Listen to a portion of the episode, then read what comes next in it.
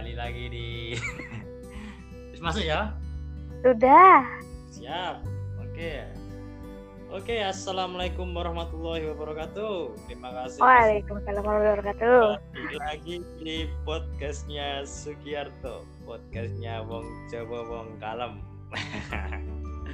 Oke kali ini saya bersama Mbak Ria Rahma.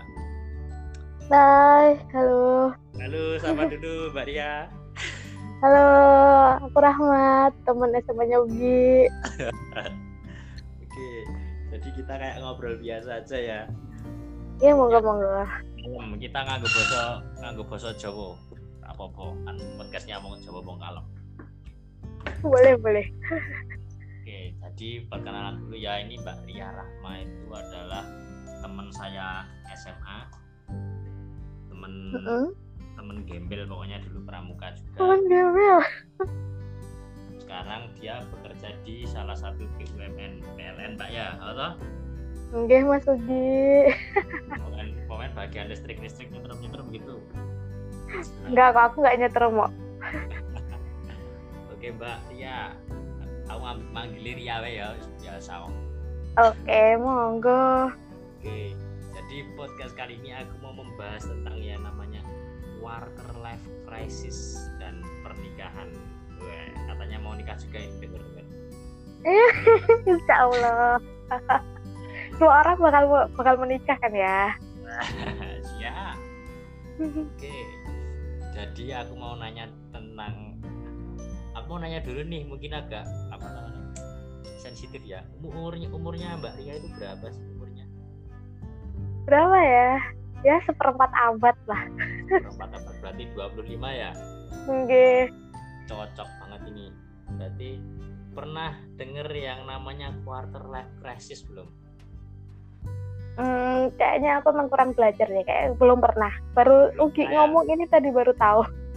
nah quarter life crisis itu aku terangin bener ya buat yang mendengarin aja quarter life crisis itu adalah di mana kita berada di posisi uh, seperempat abad atau seperempat abad umur kita yaitu 25 tahun. Nah biasanya di umur-umur seperti itu itu kita sedang mengalami kegalauan kebingungan insecure kita tuh se- selama seperempat abad itu udah ngapain aja sudah menghasilkan apa aja terus masih bingung dengan tujuan hidup kita. Nah intinya gitu mbak Ria.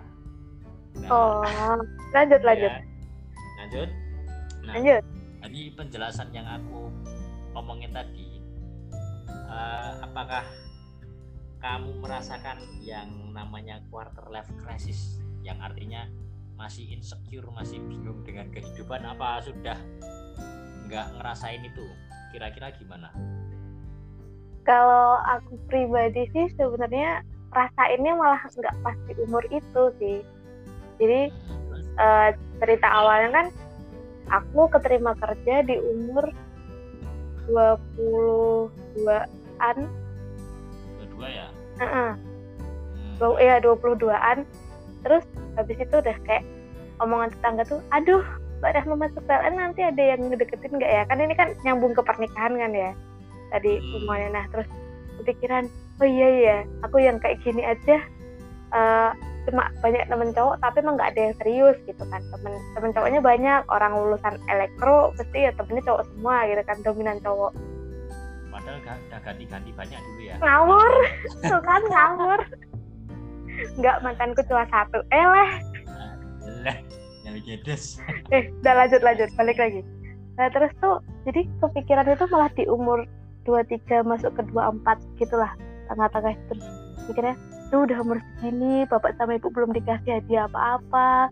Udah kerja setahun tapi nggak ngasilin apa-apa. Kayak uang gaji tuh ya habis buat hahihi leha-leha jajan gitu kan. Maksudnya nggak kayak nggak ada tabungan sedikit pun. Kepikirannya ya udahlah kalau masalah jodoh mah udah Allah yang ngatur. Tapi kan sebenarnya tergantung eh, apa doa kita juga kan. Tetap kan kita harus berusaha ya walaupun lewat doa gitu ya kepikirannya ya udah nanti nikah tua juga nggak apa-apa gitu kan. Kalau semisal emang nggak bisa nikah terus eh apa namanya mau pengen punya anak ya adopsi gitu kan. Ya kan pikirannya udah udah bingung udah galau udah insecure-nya Oh, tuh udah di umur-umur itu malah di umur 25 ma, menjelang 25 tuh kayak ya udahlah. Cuma bisa tahajud doa tahajud doa sholat ibadah udah dikencengin aja eh tahu-tahu kemarin di ulang tahun yang ke-25 tada surprise gitu. Asik lamaran asik. Kayak gitu. Kalau aku sih pernah pernah ngerasain yang namanya quarter life crisis itu ya. Mungkin bahasanya quarter life crisis kan masih banyak yang belum tahu gitu ya. Mm-mm. jadi sempat ngalamin sempat ngalamin yang namanya galau dengan hidup ya. Iya pernah. Gitu. Pernah. Jadi itu. Nah ya tapi dengan umur 25 sekarang masih ngerasa gitu apa sudah ngerasa settle? Ngerasa aman? Udah udah udah kepikiran lagi? Kalau mungkin kalau masalah rezeki sama jodoh udah aman. Cuman masih kepikiran kepikirannya tuh ada hal lain yang sampai sekarang tuh belum bisa terlaksana terwujud gitu. Ngebahagiain orang tua. Itu kan udah udah pasti salah satu kewajiban kita sebagai seorang anak kan ya aduh itu aku mau ngasih masukan nih ya lanjut lanjut ya ya mungkin kalau menurutku ya bener sudah nggak ngerasa aman lah masuk kerjanya aja BUMN Eh. Eh eh kemarin udah dilamar ah, Aduh, aduh, dipikir. aduh. Lah, coba aku aduh Ya, nggak apa-apa Mas. Ugi nggak apa-apa Eh, kuat kencengin aja doanya gitu. minta minta aja betul. minta gitu. Semua itu udah udah ada jalannya masing-masing. Rasa kangen sahabat ini gitu ya. Betul. Diikhlaskan saja. Itu saja. Oke berarti intinya dengan umur 25 Mbak Ria ini udah udah enggak apa ya istilahnya tentang kerjaan udah aman. Tentang jodoh juga udah aman ya. Insya Allah. Insya Allah udah aman. Jadi cuman masalahnya masih mem, membahagiakan membahagiakan orang tua tuh yang masih bingung ya. Yang dibingungin apa? Sudah masuk BUMN mau rapi kok masih bingung apa yang dibingung eh. Kan udah membuat orang bahagia itu. Belum masalahnya kan eh, ketika jadi aku bongkar dikit waktu wawancara kerja dulu ini kan ada pertanyaan. Dari pihak pewawancara kan nanya kenapa kamu memilih ini memilih pekerjaan ini gitu memilih perusahaan ini? Kan bisa ada pertanyaan seperti itu. Pertanyaan yang wajar lah itu tuh dari semua perusahaan pasti ada tanya ada pertanyaan seperti itu. Ya, jawabanku kan ingin membahagiakan orang tua gitu kan terus ditanya dengan cara apa? gitu kan. Ya aku untung sebelumnya tuh udah sempet nanya ke bapak sama ibu bu misal pak misal aku nanti dapat kerja aku sukses bapak ibu pengen apa? gitu ya mereka cuma jawabnya simple kami pengen naik haji. Udah. Tapi sampai sekarang aku belum bisa ngewujudin itu gitu. Masih masih dalam rencana ya? Mm-mm, terus eh, apa ya mungkin ada baiknya juga sih. Dulu biar eh, pengeluaran tuh berkurang lah gitu pengeluaran berkurang lah berkurang terus lah mau belanja terus bukan lah. bukan maksudnya tuh berkurang tuh dalam istilah aku bisa nabung lebih banyak gitu daripada yang aku hidup sendiri aku mau jajan ini itu kan terserah aku tapi kan kalau ketika nanti udah berkeluarga aduh aku punya tanggungan ini aku punya tanggungan ini gitu kan Terus nanti kayak Iya. kehidupan kebutuhan sehari-hari kan ditanggungnya sama si dia gitu kan jadi kayak yang ya aku bisa nabung lebih lah bisa bisa ngebantu bisa mewujudinnya lebih cepat juga kan nggak tak nggak ada yang tahu umur seseorang sampai kapan gitu kan ya bapak sama ibu aku yang gitu Hmm, masuk, masuk. Nah, nyambung dari yang tadi udah nabung Mm-mm. tadi, aku mau nanya nih, apa sih persiapannya untuk menghadapi pernikahan? Itu apa dipaksa, dipaksa, atau memang udah merasa siap aja dengan tabungan tabungannya? tabungan apa Gimana? kalau Sebagai perempuan, dipaksa atau gimana? enggak sih enggak dipaksa jadi emang ditanyain mau nggak gitu maksudnya daripada ya tahu sendiri kan di Islam jarang buat pacaran Itu yang nanya ini siapa? Orang tua atau mas mas calon? calon dulu yang nanya gitu ya aku bilang aku sebenarnya masih punya uh, nazar sih gitu buat uh, naikin haji orang tua. Ya ya udah gitu. Dia jawabnya juga aku juga masih punya nazar nih gitu. Ya udah mau diselesaikan dulu juga nggak apa-apa gitu. Itu bulan Oktober ya November aku bilang uh, kenalan ke orang tua masing-masing gitu. Aku udah aduh aduh di gimana nih? Di gimana udah yang kayak setengah panik gitu terus kayak yang ya udah kalau emang uh, ini jawaban doa yang selama ini dipanjatkan di ah setiap pertiga malam diajukan gitu kan. Terus kayak ya udah iya aja gitu. Terus nanya ke bapak sama ibu gimana bu kalau anakmu satu-satunya ini yang eh anakmu perempuan satu-satunya ini tuh nikah nantinya gitu. Kan anaknya cuma dua aku sama kakakku kalau aku udah nikah. Jadi tuh kayak yang ya udah kalau emang udah umurnya udah siap nggak apa-apa. Bapak saya ibu udah nggak apa-apa. Yang aku aja kepikiran aduh ini tuh aku tuh nggak punya tabungan apa pun duit itu nggak ada. Mau nikah pakai apa? Gitu kan. Iya. jadi tuh mulai dari perjanjian itu langsung kayak aduh kurangi jajan kurangi jajan kurangi jajan. Nabung nabung nabung nabung tuh. Ya uh, kayak nggak tahu sih maksudnya ketika acara acara pernikahannya diundur itu kayak yang kayak aku masih bisa nabung nih tapi kalau diundur ke belakang jauh kan kayak yang mikir tambah lama ya gitu kan jadi kayak yang ya ada ada apa ya kayak rasa ya tahulah galaunya gimana gitu ketika udah mau siap tiba-tiba diundur tapi kalau diundur nanti mungkin acaranya kata orang bisa lebih mewah gitu. Tapi kan lebih nyantai nek perempuan kan yang banyak mengeluarin duit kan yang biasanya.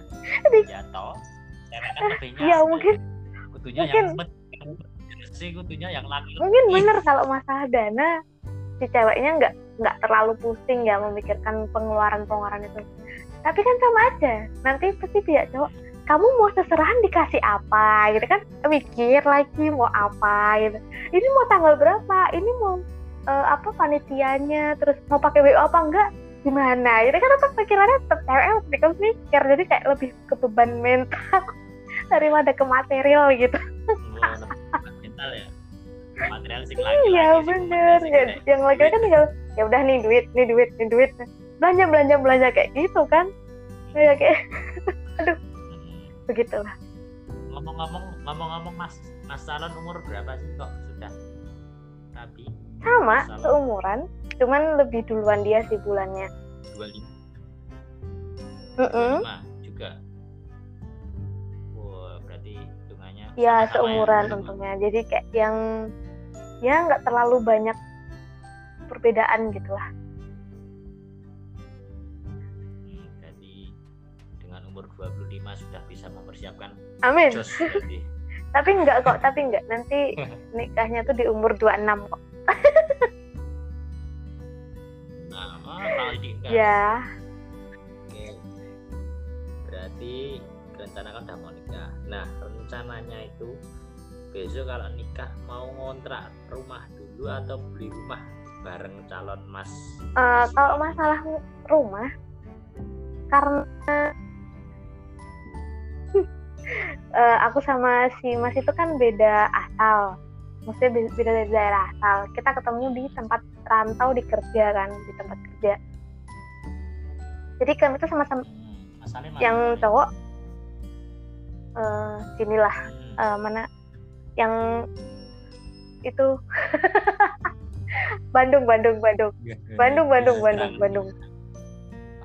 Aslinya Bandung. Enggak kok enggak. Dia Jawa.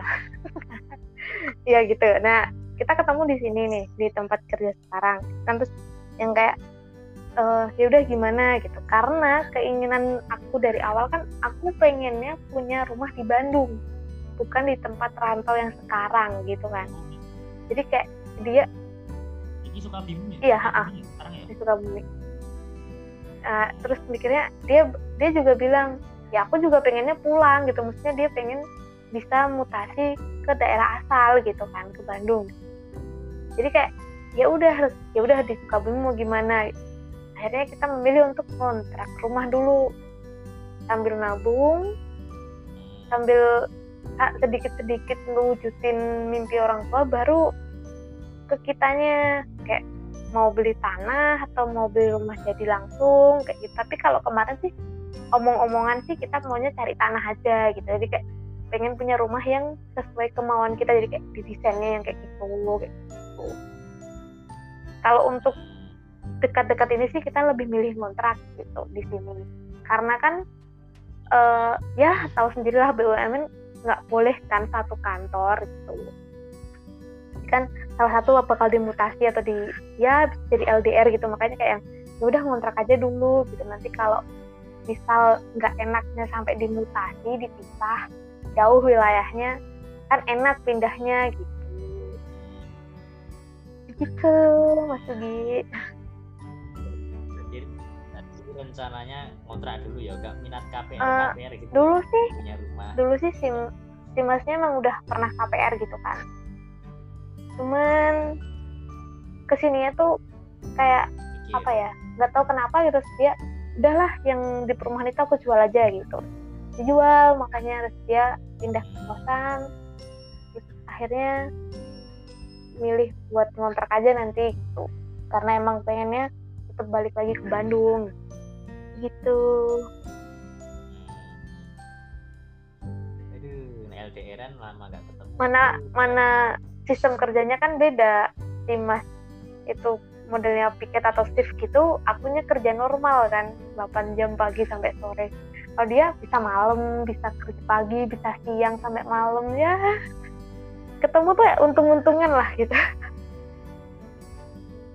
Dengan ya memang caranya gitu ya berarti iya. terus kan tadi rencana mau nikah nih. Nah itu biaya nikahnya dari orang tua atau biaya sendiri? Itu biasanya. Terus kalau misalnya ngumpulin sendiri itu dari umur berapa? Dari kerjaan berapa tahun? Kalau apa ya?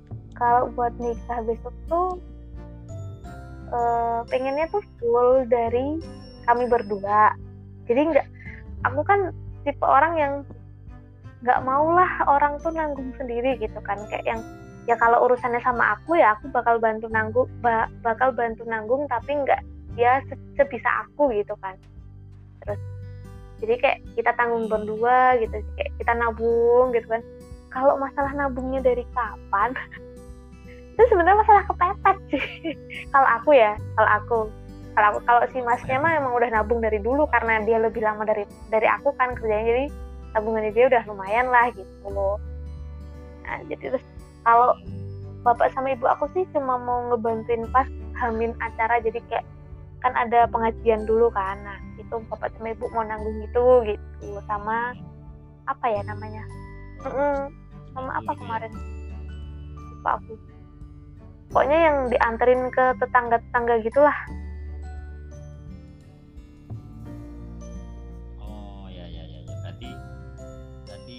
Orang tua cuman bantu ya istilahnya bantu cuman uh, kayak gimana ya? Bagi kayak cuma itu ya. aja. Jadi buat terus, buat acara fullnya tuh kita berdua nah, doang gitu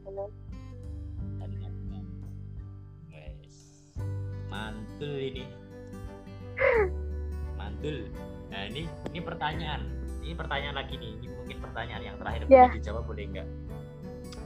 Kan tadi mm. tadi kan nabung ya sebagai cewek. Sebagai cewek mungkin kan ada tuh cewek yang berpikiran ah nggak usah nabung lah biar aku bebankan sama pihak cowok aja. Misalkan ada tuh mm. cewek yang mikir gitu tuh. Jadi cewek cuman lima enak enaknya doang. Nah kamu kan mm. tadi udah bilang nabung gitu ya dari tabungan yang kamu hasilkan itu buat biaya pernikahan aduh kalau kalau nominalnya aku nggak bisa kasih tahu tapi kan uh, oh. kemarin dibagi gitu kan kayak aku aku bantu nanggung ini nih kamu bantu nanggung ini. Nah tapi ini jangan dilihat dari nominalnya ya. Jadi dari tabungan aku itu aku bisa nanggung undangan fotografer makeup rias sama gedung nah dari empat hal itu. Jadi sisanya kayak dekorasi terus sound apa uh, snack kan catering terus yang lain-lain itu ke ke si masnya sih. Tapi jangan jangan jangan dipikirin nominalnya ya tahu sendiri di Jogja nikah murah kan ya. Itu itu kan dia masih Nah, ya 50 murah-murah juta ya? tuh wah itu dah bagi Heeh, dah. Itu kan mewah kalau di? Jogja tuh 50 juta. Sapi tapi kak Lah rencana Oh, di Jogja dong. Kan kita cari murah. Kita kan Ide murah. Iya kan kita sama-sama orang. Jawa.